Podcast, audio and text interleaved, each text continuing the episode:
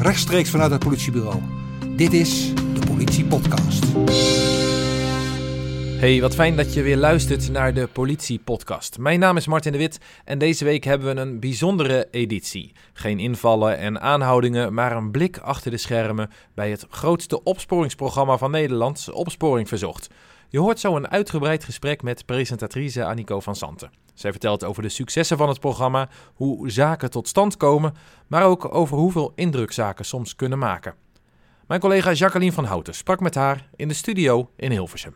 De studioverlichting staat te branden en de camera's staan klaar. Straks staat de live-uitzending van Opsporing Verzocht gepland, waar ik aanwezig zal zijn als woordvoerder. Ja, uiteraard is er geen uitzending zonder Annico van Santen. Annico, wat leuk dat je ons vandaag uh, wil meenemen achter de schermen van Opsporing Verzocht. Want waar wij nu staan, dat is jouw tweede huis. Ja, we staan in de studio. Die is gelukkig een stuk beter opgeruimd dan mijn eigen huis. Maar uh, nou, hier gebeurt het elke dinsdag. Ik voel me altijd heel lekker als ik hier binnenloop. Ik denk, ja, we gaan wat doen. Ja, maar ik, ik, zie je eigenlijk ook altijd heel erg vrolijk hier. Dus volgens mij heb je het prima naar je zin. Ja, het is gewoon een heel mooi programma, omdat het super concreet is. Je maakt iets, je maakt het met heel veel mensen samen. Dat vind ik heel erg leuk, dat je allemaal een soort onderdeel van een hele grote keten bent. Dus we, we krijgen de zaken van de politie, dan gaan we monteren, gaan we kijken hoe we het beste kunnen uitleggen wat jullie precies willen weten. En uh, dat is gewoon heel mooi. En het is ook gewoon live, dus je hoort dan de telefoon overgaat. Dat, blijft iets magisch houden. En helemaal als je heel snel een zaak oplost. Dan denk je, ja, potverdorie, we hebben weer goed werk gedaan. Nou, zojuist hebben we uh, de doorloop gehad. Straks uh, de generale nog. Uh, voordat we live gaan. Ik, ik, ben hier al om vier uur. Jij bent hier volgens mij al veel eerder. maar enorme veel, ja, enorm veel voorbereiding heb je hier. maar waar ben je nou eigenlijk allemaal mee bezig? Waarvoor is dat eigenlijk? Uh, ik, ik, leg het altijd uit dus dat Opsporing Verzocht het programma is dat geen fouten mag maken. Want um, moet je je voorstellen dat we een zaak hebben waarbij we een slachtoffer hebben, waar we een plaatje van hebben, omdat iemand bijvoorbeeld heel erg in elkaar geslagen is. En je laat dan meteen daarna een plaatje van de dader zien. En als we daar een fout in maken, weet je, dan is dat natuurlijk heel naar voor ja. alles en iedereen. En ook als je gewoon uh, fouten maakt in data of uh, überhaupt of de, de beelden wel duidelijk zijn. Dus je moet het gewoon heel vaak repeteren, omdat er gewoon, het moet goed bij ons. Weet je, een zesje kan niet bij opsporing verzocht. Nee, moet altijd nee. hoger. Veel kijkers ook, want hoeveel kijkers hebben we eigenlijk? Uh, nou, als er voetbal is, dan hebben we daar last van. Maar het zijn er altijd, we hebben een soort vaste kern van ongeveer 800.000, 900.000 kijkers. En uh, op het moment dat er niet wordt gevoetbald, dan zitten we tegen de 1,2 miljoen. En dat, nou, dat blijft, dat is echt heel veel. Echt ja. heel veel. En ook al zoveel jaren al dat het zo is. Ja, dat is ja, fantastisch. Ja, nee, ja. Uh, wat is het? 1982 is het officieel begonnen. Dus het is echt, echt een instituut. Ja, ja, ja. en ik weet ook dat het oplossingspercentage rond de 40% is. Dus echt enorm. Ja, dus het helpt ons enorm. Nee, het, het werkt gewoon echt. En je...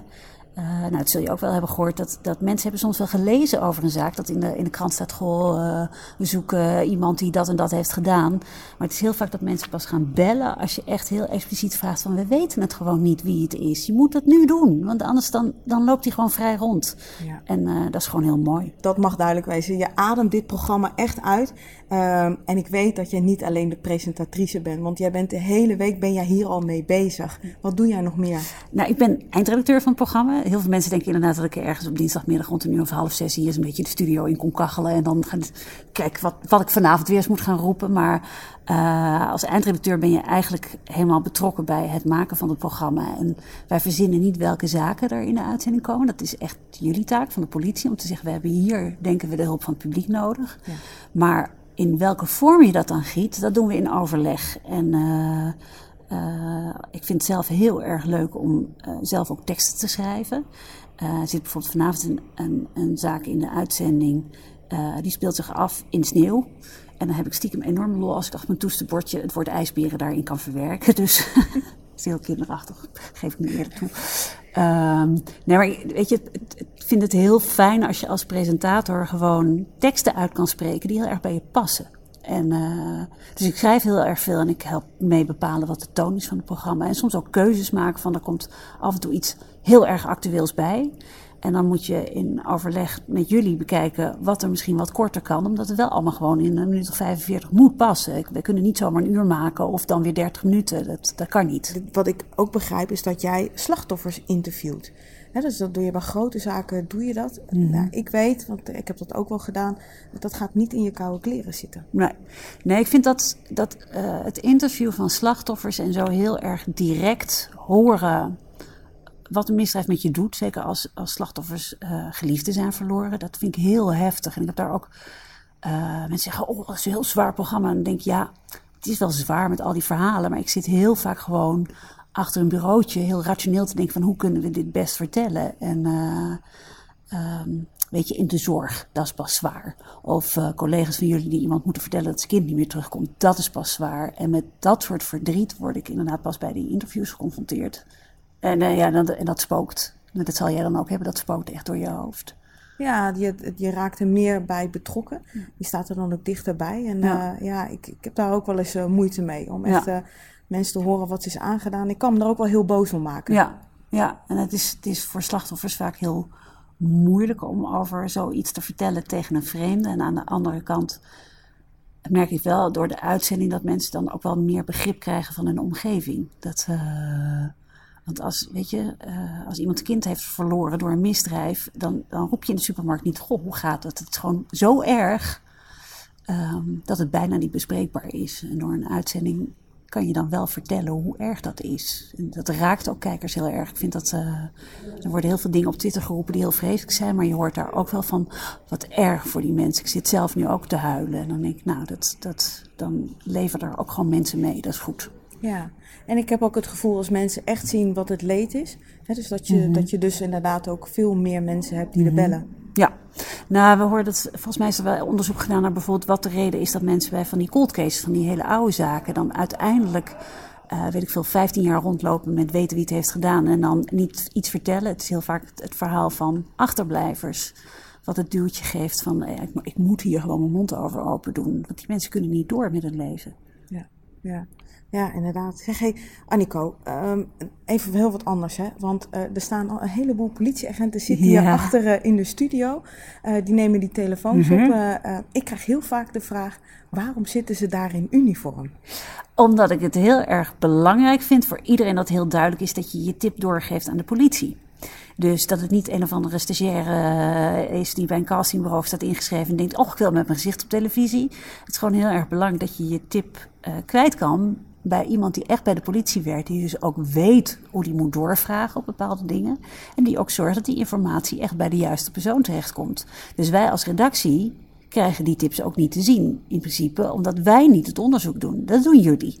Dus eh, er wordt heel veel gefaked bij televisie, maar dit is echt. En ook elk telefoontje wat je hoort overgaan, is ook een echt telefoontje. Ja, en het zijn ook harde werkers. Want op het moment dat het programma afgelopen is, dan zie ik je binnen 15 minuten al die camera's eh, worden dan Ja, opgeruimd. ja. Eh, lampen gaan uit. De hele studio is zo goed als leeg. Ja. Maar die mensen van het belteam, die gaan gewoon door. Ja, die, want- blijven dus nog ja, zitten. die blijven zitten. Omdat eh, soms kijken mensen gewoon de hele uitzending af. En die gaan nog even op de site kijken of het wel echt klopt. Of ze iemand hebben herkend. En gaan dan inderdaad niet meteen tijdens de uitzending of meteen daarna bellen. Dus dan komen die telefoontjes nog steeds hier binnen. En dan staan wij inderdaad, eh sta ik mijn gezicht al eh, schoon te poetsen. En eh begin me weer aan te trekken in plaats van de hakken. En dan wordt hier nog heel hard gebuffeld. Ja, gaat het nog gewoon door. En dan komen die tips dus ook nog gewoon binnen. En daarna sluit het eh, weer af. Hè? Dan is de opsporingstiplijn nog wel gewoon Ja. open. Maar dan wordt het op een andere Ja, manier. dan komen de dus, telefoontjes niet hier in de studio binnen, maar gewoon eh, bij, nou bij een van jullie centra waar je, waar je naartoe belt. Ja. We kunnen ze hier natuurlijk niet de hele nacht laten zitten. Ja, dat kan Dat wel, maar het lijkt niet heel aangenaam. Laten we dat niet doen. Oké, dus eh, maar als dan ook het belteam is gestopt, eh, ja, dan gaan we dus niet naar huis. We Nee. blijven hier. En ja, ik denk dan altijd, oh lekker, we gaan een bitterballetje eten. maar Ja, maar het wij- heeft, het heeft ja. een functie. Ja, dat, eh, in de, bij onszelf noemen we het natuurlijk gewoon de borrel achteraf. Officieel is de debriefing. Ehm, weet je, zo'n zo'n avond ben je heel erg met z'n met z'n allen aan het werken naar resultaat toe. En je hebt bij sommige zaken gewoon aan het eind van de avond heb je ook al resultaat. Soms worden er hele goede tips doorgebeld over bijvoorbeeld een auto die is gezien. Soms eh, gaan jullie al meteen tijdens de uitzending op pad zelfs om te kijken of een tip klopt. Ehm, en aan het eind van de uitzending komen we allemaal even bij elkaar. En dan nemen we even heel klein en heel kort door de bocht nemen even door wat er is doorgebeld. Eh, en dat is ook gewoon praktisch. Stel dat iemand is herkend, dan moet die zaak moet weg. Als Ja. het ware. Want dan zoeken we iemand niet meer. En dan moet je dus bewakingsbeelden ook weghalen. Dus dat willen we dan eigenlijk zo snel mogelijk weten of er de volgende ochtend nog gehermonteerd moet worden voor de herhaling. Ja, want het is voor jullie wel anders. Hè? Op het moment dat er dus mensen tips binnenbrengen brengen en wij gaan direct iemand erop aanhouden, ja, dan haal ik gelijk alles van politie.nl af en van Facebook en Ja. eh, alles erop en eraan. En eh, nou, ik bel dan eventueel nog wel de regionale Ja. programma's, dus dat wordt allemaal goed geregeld. Maar jullie moeten de volgende dag gewoon met diezelfde uitzending, hebben jullie dus in de ochtend al... eh, Ja, dan moet er een hermontage gedaan worden. Dan knippen we juist dat onderdeeltje eruit. En eh, eh, soms is het dan ook niet meer mogelijk om de hele uitzending terug te kijken op de site of op NPO Start. Als dat zo is, dan is dat dus eigenlijk altijd een goed teken. Maar alles wat nog niet is opgelost, is altijd te zien op politie.nl en op opsporingverzocht.nl. Dus als mensen denken, potjandori, nou hebben ze de hele uitzending weggehaald. Nee, we halen alleen de opgeloste dingen weg. En dat is goed nieuws. Nou, inderdaad, dat is zeker goed nieuws. Dat vinden wij ook. Ehm, even kijken, want die, ik noemde net al die, die regionale eh, programma's. Daar is een, eh, een samenwerking mee. Eh, kun je daar nog wat over vertellen? Want eh, ja, die zenden het ook uit. Ja, maar er, zit altijd wel een soort logica achter. Er zijn sommige. eh, stel dat er een overval is gepleegd bij een supermarkt. En de getuigen hebben gezien dat er eh, twee jongetjes aankwamen rennen. Zonder fiets, zonder scooter. En ze zijn ook weer gewoon de wijk ingerend. En wisten precies waar dat ene brandgangetje zat. Dan is de kans vrij groot dat de daders gewoon uit de omgeving van het misdrijf komen. Dan is het eigenlijk onzin om zo'n zaak meteen baf op de landelijke televisie bij ons te doen. Ehm, stel dat het in de Meern is gebeurd, dan is de kans niet zo groot dat iemand uit Den Helder de oplossing heeft. Dus dan gaat het eerst bij jullie in bureau Hengeveld, wordt het dan niet opgelost. Dan besluit een officier van justitie soms wel eens in overleg met jullie van is het niet handig dat die zaak ook naar opsporing verzocht gaat. En dan komt hij bij ons.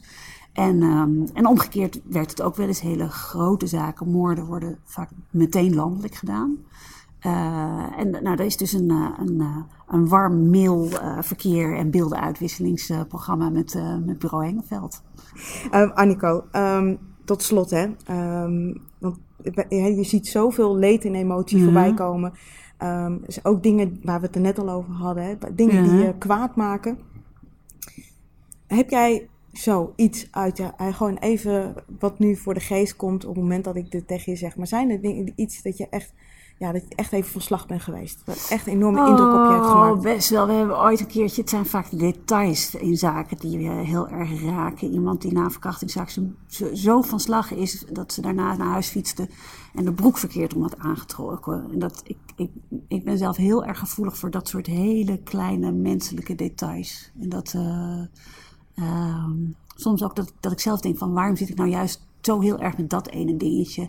En het zijn de, dingen met kinderen, weet je, die zaak van Nicky Verstappen. Ik ben er zo blij dat er nou eindelijk gewoon, dat er eindelijk iemand vastzit. En dat de familie iemand heeft om boos op te zijn. En dat de rest van de wereld ook ziet ehm, wat een verdriet die familie Verstappen heeft gehad. Dat, dat, ehm, dat gaat je niet in de koude kleren zitten. En dan het, het mooie van, maar dat zal je ook wel herkennen, het mooie van ehm, bij de politie werken of voor opsporing verzocht, is ook dat je de dingen die wel goed gaan opeens heel erg leert waarderen. Weet je, de, de, dingen dat mensen wel aardig zijn en leuk voor elkaar. En, en de dingen in je eigen leven die het goed gaan.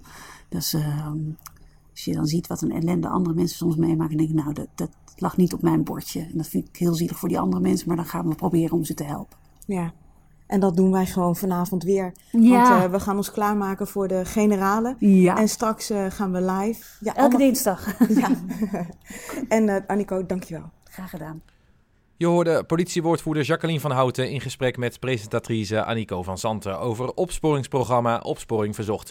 En daarmee zit deze aflevering van de Politiepodcast erop. Dankjewel voor het luisteren. Als je meer afleveringen wil horen, kijk dan even op Spotify, iTunes of Soundcloud. Je kunt ons daar vinden onder de naam Politiepodcast. Je kunt je daar ook abonneren, dan blijf je automatisch op de hoogte. Nou, dat was het voor nu. Tot de volgende keer.